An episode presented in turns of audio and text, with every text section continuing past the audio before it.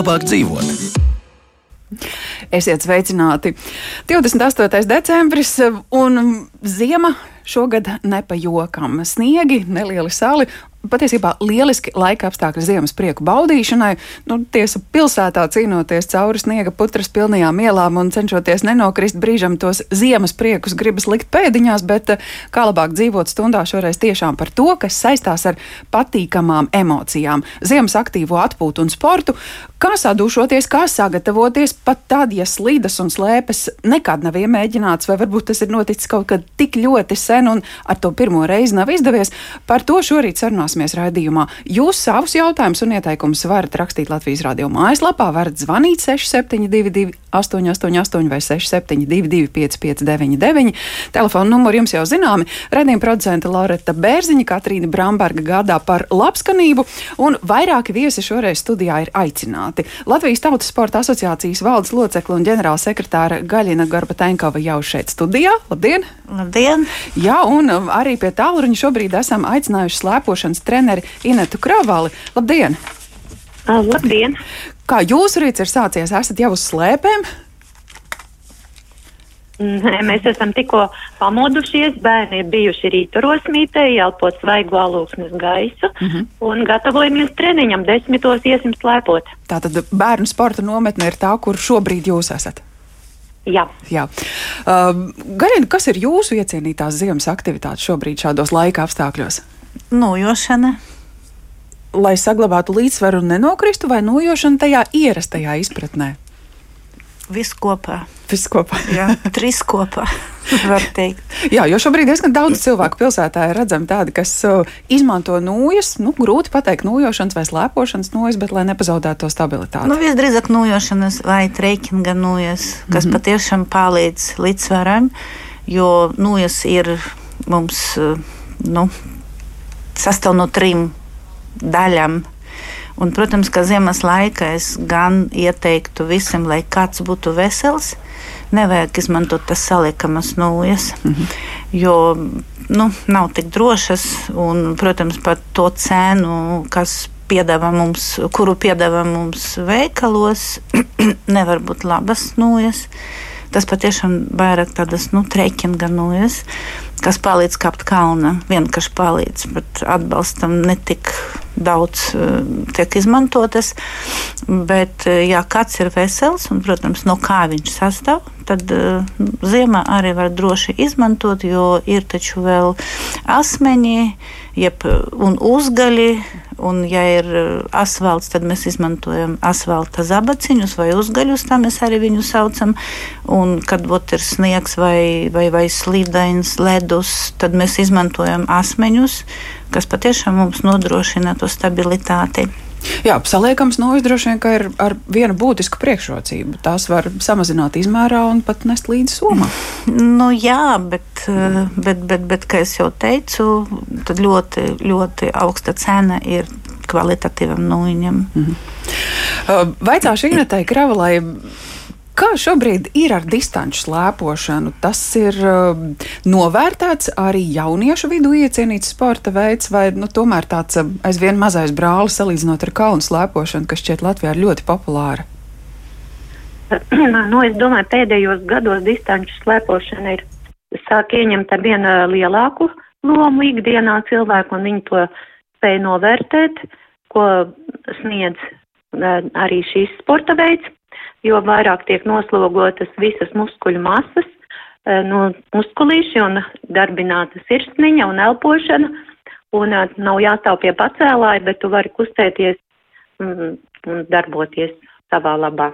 Tā kā jā, slēpošana ir populārāka kļuvusi.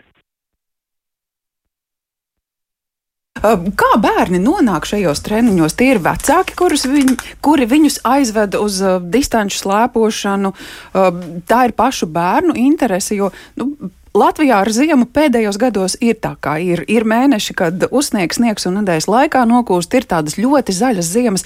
Kā jaunieši atrod ceļu uz distanču slēpošanu? Nu, es domāju, ka tas ir lielākoties pateicoties vecākiem, jo, ja vecāki paši ar to nodarbojas, tad droši arī bērni tiek virzīti šī sporta veidā.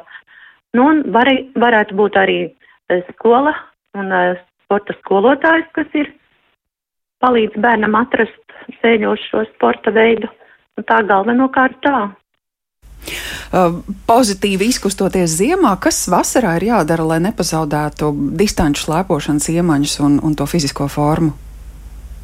Nu, pamatā mēs skrienam ar maziem bērniem rotaļās, spēles, tapetītes, un tad mēs arī izmantojam, mācāmies braukt ar uh, skrituļu slēpēm, ko sauc par rolleriem, gan klasiskajam stilam, gan uh, slicolim, nu tas pamatā.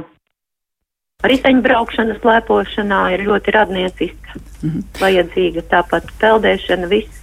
Tā kā slēpošana ir tāda sporta veids, kas nodrošina nu, pamatu vajadzības cilvēkam. Ja ar to nodarbojas, tad tu zini, ka tu būsi vesels. Mm -hmm.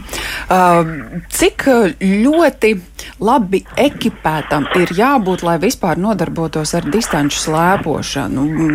Cimdi, īpašs apģērbs, vai tas tomēr ir kaut kas tāds, kur, kur pilsētnieks var doties pamēģināt pat, ja ziemas jaku un, nu, kas zina, džinsenēs?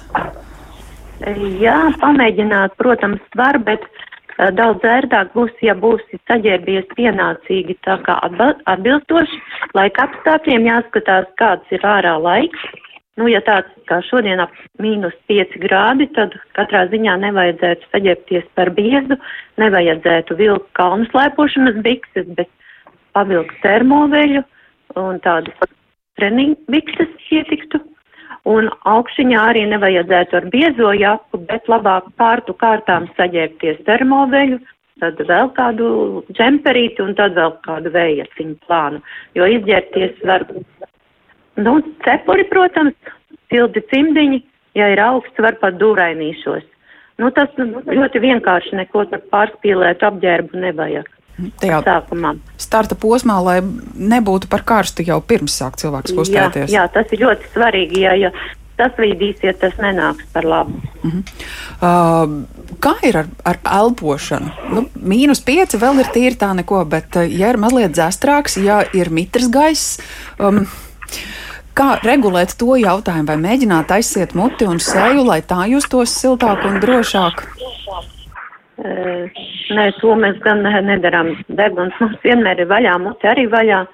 Nu, varbūt cenšamies braukt mierīgi, nesteigties, sākumā iesildoties pavisam mierīgāk un tad pakāpeniski kāpinām tempu, lai mēs sasilstam. Tas būs tā pareizāk, bet, nu, katrā ziņā degunu noteikti muti nesienam ar šaulēm ciet, jo tas nav pareizi.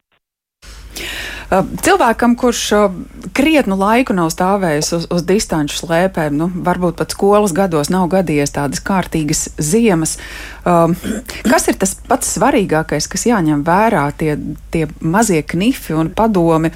Jo nu, pat ja mājās nav uz nomas punktu, jau var aiziet pie slēpēm un nojām tikt, bet kā saņemt drosmi, pat ja gadās iekrist pirmajā kupenā, kā iesākt ieieties tajā solī un ritmā?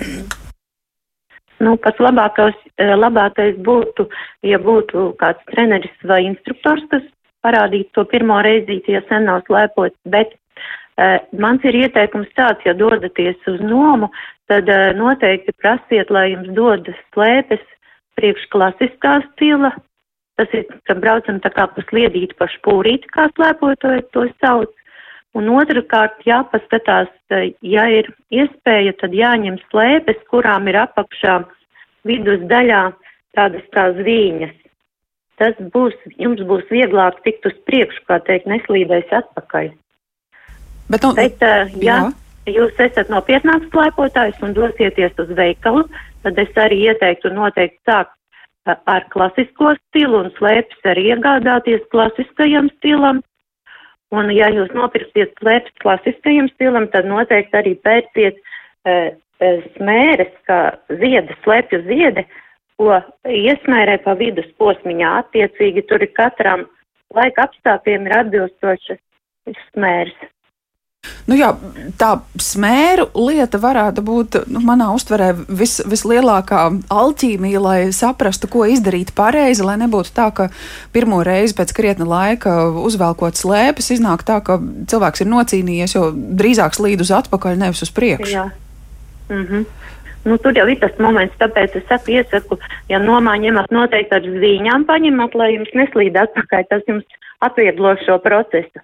Bet katrā ziņā, ja jums brauksiet pa līdzenumu, tad tiksiet uz priekšu var, varbūt arī pat ar nesmērētām slēpēm un vizināties gar uh, jūras malu, ja tāds sveiks sniedziņš vai mežā, jūs varēsiet iziet, nekas jau jums nenotiks, ja jums tās slēpes nebūs smērētas. Bet ja tāda laba trasīta un jātiek uz augšu pa auguriņu, tad, nu, tas būs tā kā būs, būs jākāp tā kā suliņā. Nu jā. Bet tas nav nekas sarežģīts, jā, ir tas mērs, tur vienkārši viņu uzbiež un ar korķīti palīdzina, tas būtiski 5 minūšu jautājums. Vajag mm. tikai sākt. Nu jā, kalnā var uzkāpt arī trepīt, ja tās kuģi arī ir tādi, kas, kas, kas slidina atpakaļ, bet uh, uh, kopumā. Kāda ir tā sajūta slēpotāju vidū? Rīgā ir diezgan iecienīta apmeklēt tās trases, kur, kur slēpošanas trase ir izveidota. Parastās pēdas, kur var glīti braukt klasiskajā solī un skatīties uz tiem, kas slīd soli pārvalda un, un veikli tiek uz priekšu. Kāda ir tā ētika tādam iesācējam, kurš lēni čunčina pa to iemīto taku? Ir jāspēj reaģēt un kādā brīdī pakāpties malā, ko tādi pieredzējušāki slēpotāji jūt, vai ir kāda zīme, ko parāda, ka nu, lūdzu dodiet ceļu tiem, kas spēj ātri ātrāk tikt uz priekšu? Nu, jā, mums tur īpaši tāda trasīte būs viena sliedītes uzvaras parkā, piemēram. Jā. Bet es domāju, lai tas iesācējs brauc droši, jo ātrākais, kas jau to prot, viņš mierīgi apbrauc viņu riņķī. Tā kā par to nevajag satraukties un droši cīnīties ar saviem spēkiem, tikai mācīties. Nu jā, jo tajā brīdī, kad tu sajūti, ka tev pakausī kāds elpo, tad pēkšņi pazūd arī līdzsvars, un pirmā kupa ir tā, kur arī tas slēpošanas jā. solis sajūg un, un viss apstājas.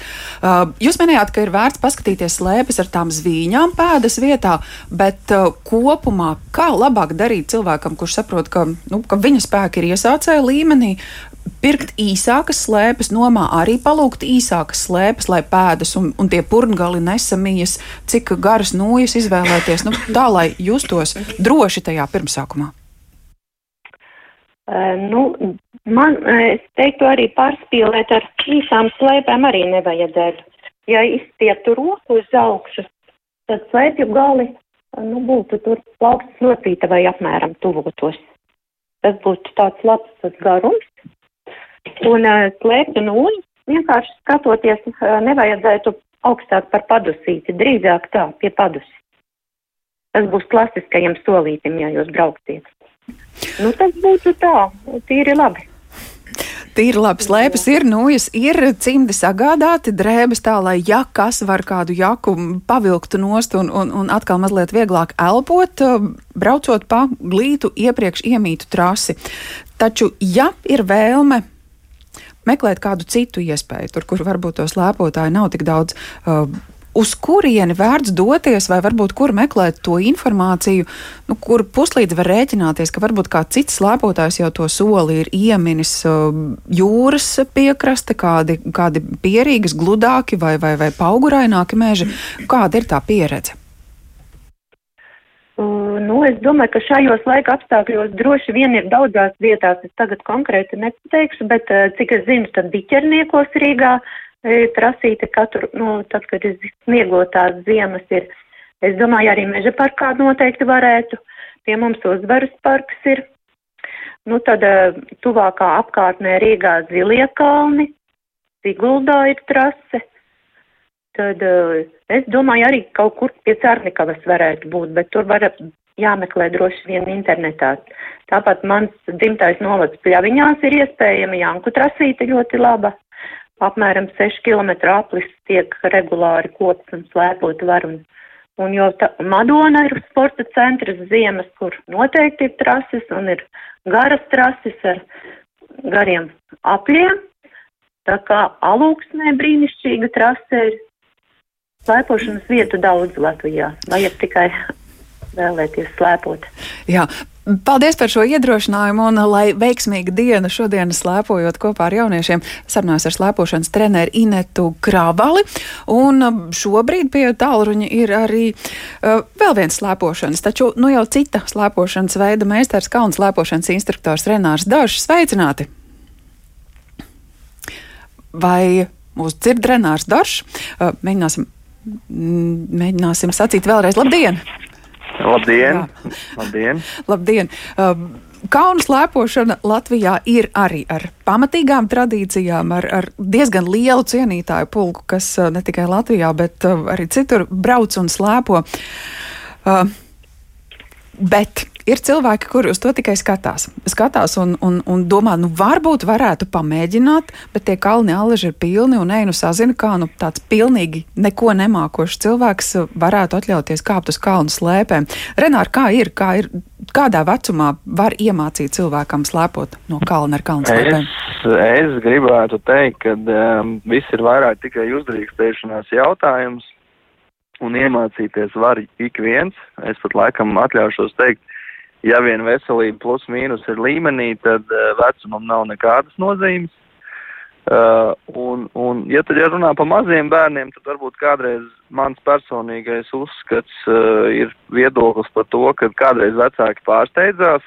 Es būtu ļoti uzmanīgs varbūt tās tieši ar to uh, pirmo reizi, jo diezgan bieži nāks redzēt, kad vecāki uh, vēlās bērnu ļoti mazā vecumā, pat divos, divu pusgados uzlikt uz slēpēm un pēc tam ar to mazliet dižoties savā starpā. Un es uz to raudzītos tādā ziņā, ka vismaz es saviem bērniem izvēlos noteikti to brīdi, kad es redzu, ka viņam būs pietiekami viegla tā pirmā reize. Un ja tā pirmā reize būs viegla, uh, tad viņš arī to gribēs darīt otrais un arī simt otru reizi. Tas varbūt būtu vienīgais atkarīgs, cik liels mm. bērns, cik viņš ir izaudzis, cik viņš ir spēcīgs, jo tomēr visas drēbes, inventārs tas kaut ko sver.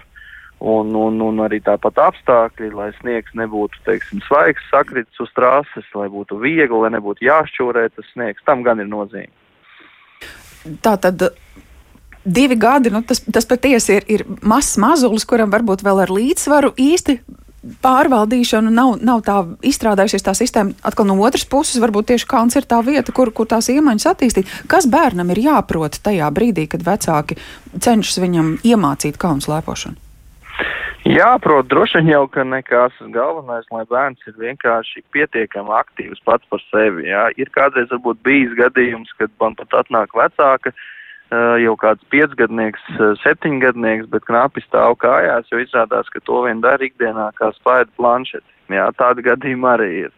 Bet kamēr bērns ir parasts vienkārši bērns, kurš iet bērndārzā un, un, un nezinu, dejošanā kaut ko mazliet pasporto, ar to pilnībā pietiek. Nekādas citas īpašas prasības noteikti, nav. Paskatīsimies no otras puses, cik gadu ir vecākiem entuziastam, kas ir vēlējies mācīties kaunas lēpošanu jūsu pieredzē? Nu, es varbūt tās neesmu tā no nulles tādu īpašu vecāku uzlicis uz slēpēm pats, bet uh, es diezgan aktīvi strādāju arī ar amatieriem. Man ir vesela komanda arī tajā segmentā, un, ja godīgi, tad man jāsaka, ka spriganākie un aktīvākie man ir vismaz kādi divi, trīs uh, kungi, kuriem ir jau ap 70 tūlīt pat. Un ļoti labi tiek galā, un ja tā no malas nezinātu, varbūt gluži to, to, to gadu skaitli, tad nemaz nepateiktu. Ja? Es teiktu, tiešām tas vairāk ir katra tāds veselības jautājums. Ja tur tomēr tās locītavas ir pietiekami labā, tādā noturīgā līmenī un, un drosmes pietiek, tad nekā tur bīstama nav un galu galā jau mēs varam tomēr piemeklēt uh, katram slēpot gribētājiem atbilstošāko kalnu, atbilstošāko, teiksim, nogāzi, jā, gan stāvums, gan, gan, gan sniega kvalitāte, un es domāju, ka tas nav šķērslis. Pirms kalna ir jāiemācās distanču slēpošana? Noteikti, ka nē, noteikti, ka nē. Uh, kalnu slēpošana nav nekas bīstams, atkārtošos, kamēr izvēlamies pareizo vietu un apstākļus un, protams, arī inventāru. Jā. Tā kā noteikti nekādas iepriekšējas tādas nomaņas, iemaņas es neredzētu kā vajadzīgs. Es vēl sliktu nenāku, distaņu slēpšanu veselīgi, protams. Nu jā, Latvijas kalni vai tā ir piemērota vieta mācīšanās ziņā? Nu, droši vien augstums ir tāds, kas varētu nenobiedēt, vai varbūt no otras puses trase nav tik gara, lai saprastu, ko kurā brīdī darīt. Kā ar šo jautājumu? Ļoti plašs jautājums, uz ko droši vien var paskatīties no dažādām pusēm. Jo jo no vienas puses ir ļoti piemērota tieši tāpēc, ka varbūt tieši var redzēt tā, to kalnu leju, un tas tā kā nebiedē, jo ir cilvēkam ir tās augstuma bailes, un ja viņi neredz to leju, viņiem jau liekas traki. Uh, savukārt, tā kā pieņemsim tāds uh, filozofisks jautājums, bieži vien kaut vai Siguldā ir kaķīškalns, uh, kuram šķietami uh, stāvāka ir augšpuse, uh, ja, un uh, augša. Un cilvēki saka, nē, man tur bail augšā stāvs. Un tad es parasti uzdodu jautājumu, saku, bet ja tu iedomātos, ka šitas posms, ko tu redzi, viss skatīšu kalns, būtu kalnos kaut kur pa vidu, vai tu vispār pamanītu to, ka tur ir kaut kāds stāvs? Nu, droši vien, ka nē. Līdz ar to tas ir vairāk eh, tāds vizuāls uh, apmāns. Ja? Tā kā, jebkurā gadījumā vide ir piemērota, svarīgs ir atkal varbūt pie, uh, maksimāli meklēt tos dienas laikus, kad ir mazāk cilvēku, uh, tad arī būs drošāk, būs mazāk šķēršļu, no kuriem izvairīties, un tas arī dos lielākas iespējas koncentrēties tam, kas jādara.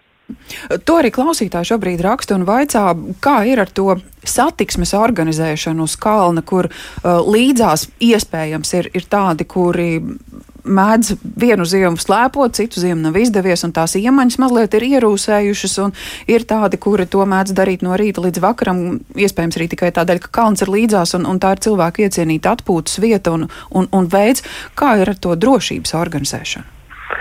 Nu, tur, tur varbūt tās mans personīgais uh, viedoklis var būt tāds, ka es gribētu mazu akmentiņu mest uh, pašu kalnu, teiksim, virzienā, uh, Iekš tā, ka gribētos, lai no kalna ir pārstāvi, kas vairāk ikdienā seko šīm lietām līdzi. Es gan personīgi varbūt kā tāds arī ikdienā savu veidu uh, policists, jā, tomēr cilvēkiem eju un šo to aizrādu un pat neaizrādu, bet mēģinu pamācīt, kā būt pareizāk un par ko vajadzētu domāt. Bet jāsaka, ka tā kultūra mums noteikti ir jāaudzē. Un tieši tāpēc, piemēram, uh, ja man nāk cilvēks uh, uz kādām nodarbībām vai bērns, uh, kas tas arī būtu, es noteikti izvēlēšos gan dienas atbilstošākās stundas, kad nav šie cilvēki, izdomāšu, kurā kalnā ir mazāk cilvēku, kur ir piemērotāka vieta to darīt. Tam ir liela nozīme, bet kultūra būtu jāaudzēs. Viennozīmīgi esmu par to. Atgriežoties vēl pie tāda nu, bailīga zaķa, kurš uh, gribētu pamēģināt to kalnu slēpošanu. Uh, jūs minējāt, ka ir kaķīša kalnā posms, kur, kur liekas, ak, tu Dievs tam nemaz pāri nevar tikt, vai tajā pirmajā reizē cilvēkam ir vērts varbūt vienkārši nokāpt lejā, nosoļot no kalna, vai tomēr uzreiz slēpes un, un tad redzēt un saprast? Nu, kaķīšu kalns noteikti nebūtu tas, kur vajadzētu sākt, uz īpaši uz tā lielā, jā, uz mazā noteikti, ka jā, nepavēltī, faktiski visām trasēm ir šie te mazie iesācēji kalniņi, kur var atrast labas iespējas tos pirmos soļus apgūt. Es teiktu, ka eh, varbūt pat gudrākais uh, solis nebūtu sākt uzreiz no augšas, bet mazliet no kalna apakšas padarboties, mazliet pakāpt, mazliet pašļūkt mazliet varbūt tikai ar vienu slēpīt pie kājām, sajust vispār, kādas veidojās šīs sajūtas, kad tiek piekabināts šis smagais inventārs, uh, kuru nemaz nav tik viegli kustināt. Jā, tā kā tas būtu noteikti gudrākais variants. Un sākt ar instruktoru vai tomēr ar kādu draugu vecākiem, kuri, kuri paši ir braukuši un, un domā, ka zina, kā to darīt? Nu, jāteic, ka uh, tas, ko es savā ikdienā daru, visbiežāk es strādāju ar šīm te pašmācībā iegūtajām kļūdām, kas varbūt ir bijušas gadu gadiem. Un, un tas pats arī attiecās uz bērniem, kā jau bērni ar saviem vecākiem, nu, viņi noteikti nebūs tik paklausīgi. Tāpat arī pieaugušajiem, kad vīrs māca sievu, tādus gadījumus zinu ļoti daudz, ka tas viss beidzās ar kašķi. Tāpēc noteikti, ka pareizākais būtu atrast maksimāli labāku uh, instruktoru, kuram ir kaut kāda jau pietiekama liela pieredze un labas atsauksmes. Un tā arī, tā arī pirmos soļus veikt. Un noteikti nesteigties, jo manos novērojumos ir mazliet tas uh, latviešu tādas īpatnības, kad visi visu grib ļoti ātri. Uh, ļoti ātri iemācīt man nobraukt un viss būs baigi labi. Bet patiesībā slēpošana, kalnu slēpošana tehniski ir ļoti sarežģīts veids, kuru mācīt labi, lai tas arī būtu veselībai maksimāli draudzīgs. Tad, tad, tad nu, kaut kā tā jā. Lielas paldies par šo sarunu. Saku Kalnu slēpošanas instruktoram Renāram Doršam. Jā, kādam varbūt šķiet, ka jautājumi mazliet uh, dīvaini, taču ticiet man, ir cilvēki, kuri nekā to nav mēģinājuši, bet uh, noteikti gribētu pamēģināt. Tādēļ ir jāsadūšojas un jāsāk no paša sākuma. Taču ne tikai kalnu slēpošana, ne tikai distanču slēpošana, arī citas iespējas ziemā izkustēties ir, nu kaut vai izējot daudz stāvu dzīvojamo māju pagalmā, un arī par to pēc brīža redzējumu, kā labāk dzīvot turpinot. Kā labāk dzīvot? Un šodien raidījumā runājam, kā sadūšoties un iesaistīties dažādās ziemas aktivitātēs. Gan distanču slēpošana, kalnu slēpošana, vienkārši izkustēties. Un par to šodien sarunājamies ar Latvijas Tautas Sporta asociācijas valdes locekli un ģenerāla sekretāri Gaļīnu Gorbatenkovu, kur šeit studijā, un pie tālruņa šobrīd Inese Kaļieņina. Jūs esam sazvanījuši Daugavpilī. Labdien! Labdien! Vai Daugavpilī arī ir sniegs šobrīd? Ir, ir, jā, ļoti skaisti ārā. Jo šķiet, ka Rīgā kupana, kupanas prieks, ka arī citur Latvijā var izkustēties, vai Daugopilī šādu iespēju pietrūkst, vai ir pietiekami, kā ir ar to slēpošanu, slidošanu, tādas iespējas jūsu pusē? Ir, var gan slēpot, stropo aktīvās atpūtas trasē un slidot pie Daugavpils ledushalles. Ir arī ārā slidotava un arī Daugavpils ledushallē ir iespējams paslidot. Iespēja, ko izmanto vietējie, iespēja, ko izmanto cilvēki, kas, kas zina, brīvdienas pavadot Latvijā, meklē jaunas iespējas un jaunas trases? Protams, Nu, principā visiem, visiem visi, kas vēlas, var, var droši nākt un, un slidot, slidot ar savām uh, slidām vai, vai izmantot, uh, ņemt uh, nomā, īrē gan slēpes, gan, gan slides. Taču zinām, ka Daugopelī tiek gatavots arī kāds īpašs sportisks notikums 30. decembrī, kas tās ir par sacensībām, festivāls vai kā citādi varam raksturot to, kas pilsētā notiks. Um, tas ir tradicionālais uh, jaungada skrējiens, jā, 30. decembrī uh, katru gadu. Tas ir vairāk kā ģimenisks um, skrējiens, ģimenisks pasākums uh, tieši tiem, kas vēlas jauno gadu sat satikt uh, aktīvi un uh, pieredzes arī izklaidēties. Jaungada skrējienā vienmēr ir neliela trase, tie šogad ir divi kilometri apkārt vienības laukumam un esplanādes parkam. Un uh, mēs vienmēr aicinam arī dalībniekus uh, saģērbties, izdomāt kaut kādus kostīmus, uh, paņemt līdzi arī uh, lampiņas, gaismiņas, lai, lai šis skrējiens ir uh, gaišs, jautrs un, un tāds, nu, uh, tāda atmosfēra tieši ziemīgo, ir pašiem veidot to ziemīgo atmosfēru. Uh, šogad, protams, Protams, viss notiek uh, ievērojot valstī noteiktos Covid ierobežojumus. Protams, uh, tā ir zaļā, zaļais režīms. Uh, ir, nu, mums noteikti ir reģistrācija, ko var atrast mūsu mājaslapā daugopilsports.lv. Un, un maksimālais dalībnieku skaits arī noteikts mums 500, bet nu, ļoti, ļoti gaidām visus, kas vēlas uh, aktīvi pavadīt uh, šo te mūsu 21. gada nogali. Rēķinoties, ka būs arī kāda laika kontrola, vai tur lielāka nozīme ir tam, ka cilvēki un ģimenes ir gatavs vienkārši piedalīties? Uh, nav laika kontrolas, jā, tas ir domāts tieši, tieši kopīgi pavadīt šo gada nogali. Tur var gan skriet tie, kas vēlas skriet, var iet, var nūjot. Pārsvarā tā arī dara tie, kas grib skriet, viņi skrien. Ģimenes ar mazākiem bērniem viņi vienmēr vairāk kā iet, un, nu, jo tā ir tad mums arī nūjo. Ja ir kāds, kas jāvelk līdzi ragaviņās, arī drīkstēs? Protams. uh, nu, tā ir, kad uh, ir arī ragaviņas, ir arī uh, rati, uh, mazākiem bērniem, nu, mazāki bērni vienmēr ar ratos sēž, mm -hmm. bet uh, tā kā mums uh, ielas ir uh, notīrītas, tad ar ragavām ir, ir diezgan Aha, grūti braukt. Drošāk būs skriet un pārvietoties kājām. Uh, jā. jā, liels paldies par šo stāstījumu Inesai Kaļiņinai. Viņu bijām sazvanījuši Daugavpilī, gatavojoties sportiskai gadu mijai Daugavpilī tradīcija jaungads skrējiens 30. decembrī, kuram interesanti aicināti arī pieteikties. Bet, uh, Ne tikai Dārgopelī cilvēki grib izkustēties. Uh, Gaļinai Garbatenkovai vaicāšu bez slēpēm, bez uh, nūjošanas, nu, ragaviņas no kalna. Ar tām gan parasti brauc bērni. Ko darīt pieaugušajiem šajā laikā? Braukt līdzi vai skriet līdzi. nu, tas ir tā humoriņš, bet uh, nu, vispār, ja mēs runājam par, par cilvēku kā tādu, kā cilvēku, tad eh, cilvēks ir radīts kustībai.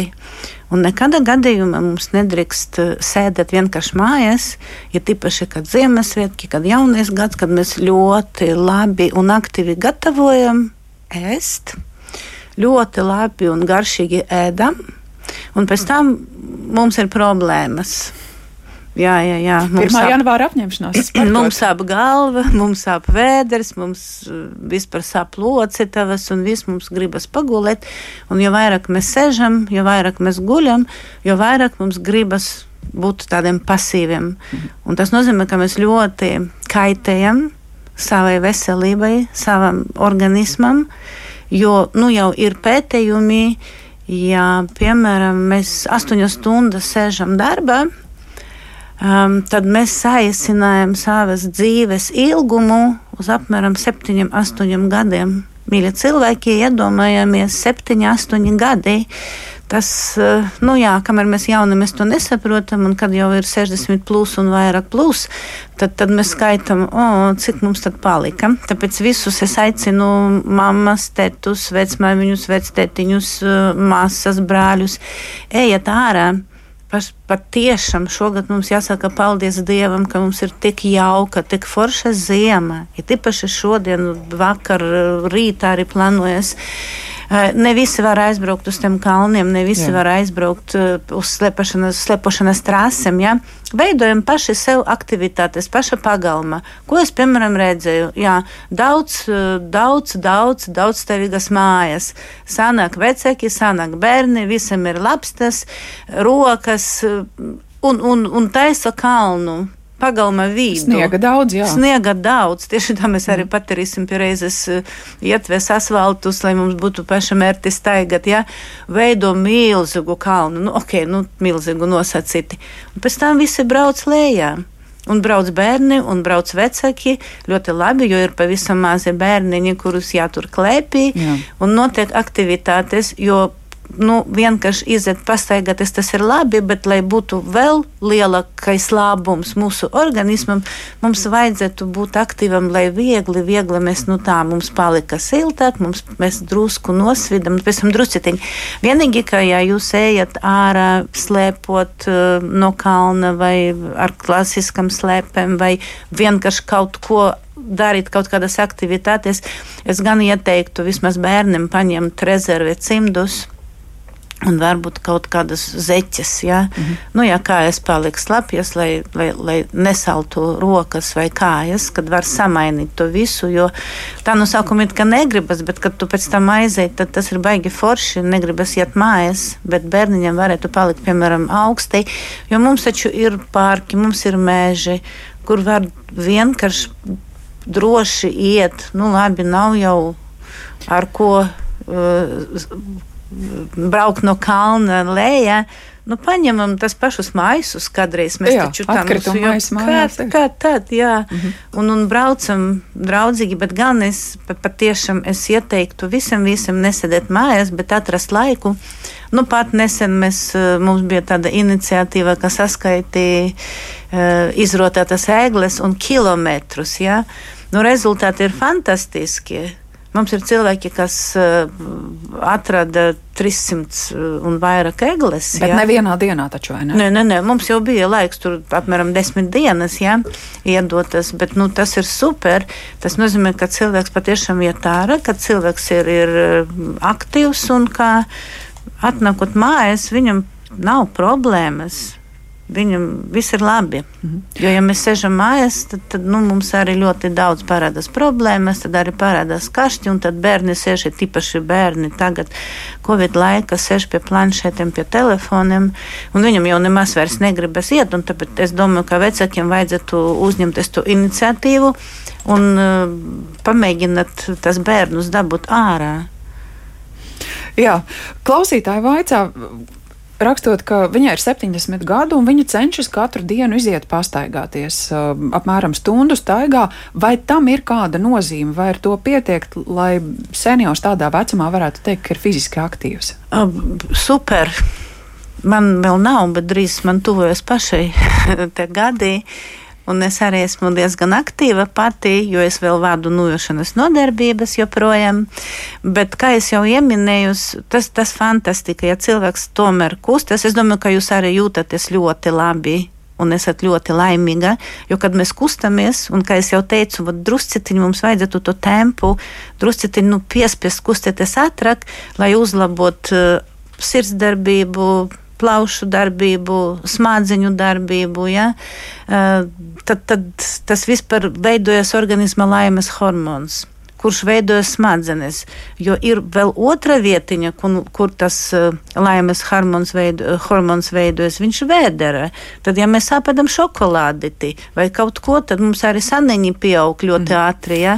Bet, jā, bet ja mums galva, tieši tā, bet ja mums galva veidojas, tad tas nozīmē, ka mums ļoti labi tie tauciņi kūst tieši, ja? Un tad mēs esam te laimīgi. Es pēc sevis zinu, ka man ne, nevienmēr gribas iet ārā, bet kad es izēju, tad, tad, tad es pēc tam domāju, vai kādreiz, kādreiz esmu malacīti, ka es to izdarīju, jo, nu, es, es patiešām atpakaļ esmu laimīga. Tāpēc, jā, vispareizi, varbūt jūs varat vēl paskaidīt pulsiņu. E, jā, es neteikšu tagad to sarežģītu formulu, Bet, nu, piemēram, es jums pateiktu, būtu labi, ja pulsiņš jūsu vecuma varētu būt 130, teiksim, ja? mm. 125. Nu, tā nosacīt, man, protams, grūti tā par radio ieteikt, bet, nu, apmēram, ja?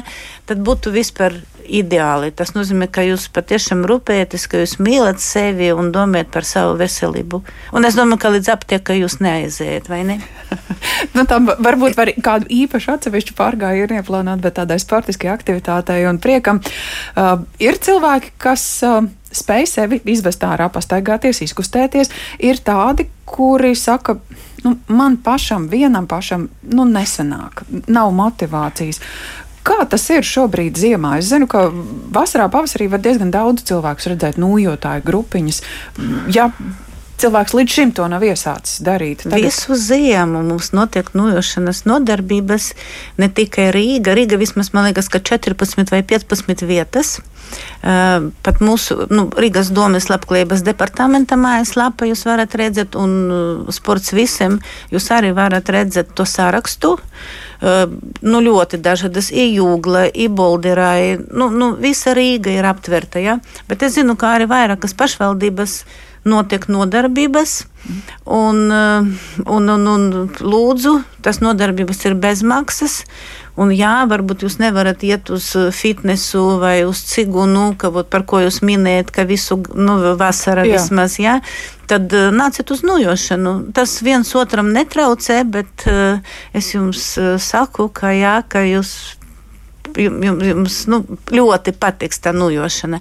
Protams, mums ir nu, tāda viena sarežģīta lietiņa, ka pareiza nojošanas tehnika, ka te desmit soļi, kuri varētu būt, ka uzreiz nemaz nepadodas, ja? bet ar laiku, protams, visu var izdarīt un izbaudīt, ko dot. Nu, ok, tā nojošana, jo daži sporta funkcionāri uzskata, ka tas ir. Tas tiešām kādas, no malas izskatās nenopietni. Ka, ka tas ir manas kaut kādas, nu, tādas, nezinu, nu, nu kreizi viņi mani nesauc, bet, nu, apmēram, jā. Ja? Bet tas patiešām patiešām es saku, ka tā ir ļoti laba okay, fiziska aktivitāte vai nu, jau sporta veids, kā mēs sākam. Jā, šogad, uh, es atvainojos, 22. gada jau notiks pasaules čempionāts nujošana septembrī Polijā. Mums jau mūsu sportisti nujotāji jau gatavojas tam, nu jau mēs apspriežamies, cik daudz mēs varam braukt un kādi mums varētu būt pat rezultāti. Mēs jau sapņojam. Ko var nomērīt nujošanā, ja ir čempionāts? Ātrumu. Protams, mēs ejam, mēs rīkojam Latvija, Latvijas čempionātu nujošanai, un uh, mums te pirmie uz 21 km, uz 10 km uh, iet uh, ātrāk nekā daži skrien. Tas distances, jā. Uh -huh. un, protams, ka mums ir tiesneši trāsa, jo mēs skatāmies to tehniku. Mums ir noteikti punkti, kam mēs pievēršam uzmanību. Mums, mēs neļaujam skriet, varbūt mēs vēl neesam tik kašķīgi un, un, un to tehniku nu, vēl it kā atļaujam. Ja mēs redzam tās kļūdiņas, bet, nu, ja galīgi garam, tad, protams, mēs uh, rādām dzeltenu un sarkanu kartīti. Tas nozīmē, mēs diskvalificējam, jā. bet, uh, nu, jā. Mēs mēģinām, tiesneši vienmēr ir ļoti lojāli, un mums pašam ir svarīgi, lai tā tehnika būtu pareiza. Tad mēs vienkārši pienācam un pielāgojam, neradot nekādu dzeltenu kartīti jau uz nu, akcentējam tās kļūdiņas. Bet jā, mums notiek, un mums ir 21 km, ir iespēja noiet, mums ir 10 km, mums ir 5 km, mums ir dažādi vecuma grupas. Bet šogad mēs vēl, nu, tas ir Covid, ko izdarīja. Mēs pamanījām, ka pamanīju, ka ļoti daudz cilvēki, tīpaši, kad bija lockdowni, mūsu valsti bija atļauts iziet no mājām, jā, tad ļoti daudzi staigāja cilvēkiem. Jā. Un, lai stimulētu, lai nebūtu vienkārši es pastaigājos, bet nu, tomēr, lai būtu nu, vēl, vēl lielāka iega. Tieši tā, pilnīgi pareizi. Nē, mēs arī iekļaujam mūsu nojošanas čempionātā arī staigāšanas sacensības. Mhm. Un ļoti, jā, un ļoti interesanti. Mums, mm, es teikšu, ka pirmā reize pietiekoši bija dalībnieki. Ok, mums ir pieci posmi, dalībnieki mainījies, bet arī bija, kuri visus piecus posmus piedalījās, un arī bija jauni cilvēki. Es tieši to gribēju vaicāt. Nu, izklausās tāds senioru čāpošanas sports, es atvainojos. Nu, nekādā gadījumā es tam negribu piekrist, jā, jo ir trīs līmeņi nojošana. Ir veselības līmenis, ir fitnes, jeb trenējošais līmenis un ir sporta līmenis. Un eh, ļoti daudz tagad nāk patiešām jaunie cilvēki, kas uh, skrienot sabojāja ceļus un muguru. Un pat cik mums 50 uz 50 slodze ir rokam un kājam, un vispār 90% no muskuļiem, ja, tad nāk uz nojošanu, jo viņi nu, grib būt aktīvi, bet paskatīt jau vairs nevar. Un tad, ja nu es paņemu rokas, viņš var iet uh, sacensības. Mm -hmm. Un, nu, mēs jau mēģinām to stereotipu laust, ja, ka tas nav tikai vecu ļaužu sports. Ja, ka patiešām nu, jau skolas mums ir, ja, nu, jau bērnu dārzi sāk arī uh, ar bērniņiem sāk noiet. Tas ļoti attista ļoti daudz īpašības. Ja. Nu jā, nevelti trenižieru zālē arī ir trenižieri, kas imitē tā, tos pašus staigāšanu. Ko jūs sakāt cilvēkam, kurš uh, metis kaunu pie malas, sadūšojies un atnāk pirmo reizi uz tādu nodarbību un saka, es neko nemāku. Es, nu, ja cilvēks apzinās, ka viņš grib piedalīties, bet nu, izrādās, ka īsti pat soļot pareizi nemāku. Jā, Un arī ļoti bieži sanāk tā, ka cilvēks atnākot pirmo reizi, paņemot nojas rokas, viņam zūd koordinācija. Viņš saka, bet kāpēc tā? Es taču eju pa ielu, un man viss kārtībā it kā, jā, bet te paņemot, man iet laba roka, laba kāja, kreisa roka, kreisa kāja, mēs sakam, kreisa kāja, laba roka, jā, un otradi, un ka tā, ka mēs ejam kreisa kāja, laba roka, un mēs pastiepam roku uz priekšu, iznesam roku plecu joslu un pastiepam uz priekšu, mums super, uh, mums notiek divas vietas mugurkaula rotācija. Ja? Un vēl galvā koordinācija. Nu, tieši tā. Bet mums jau ir speciāli vingrinājumi, mm -hmm. kā trēnēt. Un, piemēram, es bieži saku, nu, mājas uzdevums, vat lūdzu, es jums tagad parādīšu, un jūs mājās mēģināt atkārtot, ja, lai to koordināciju attīstītu.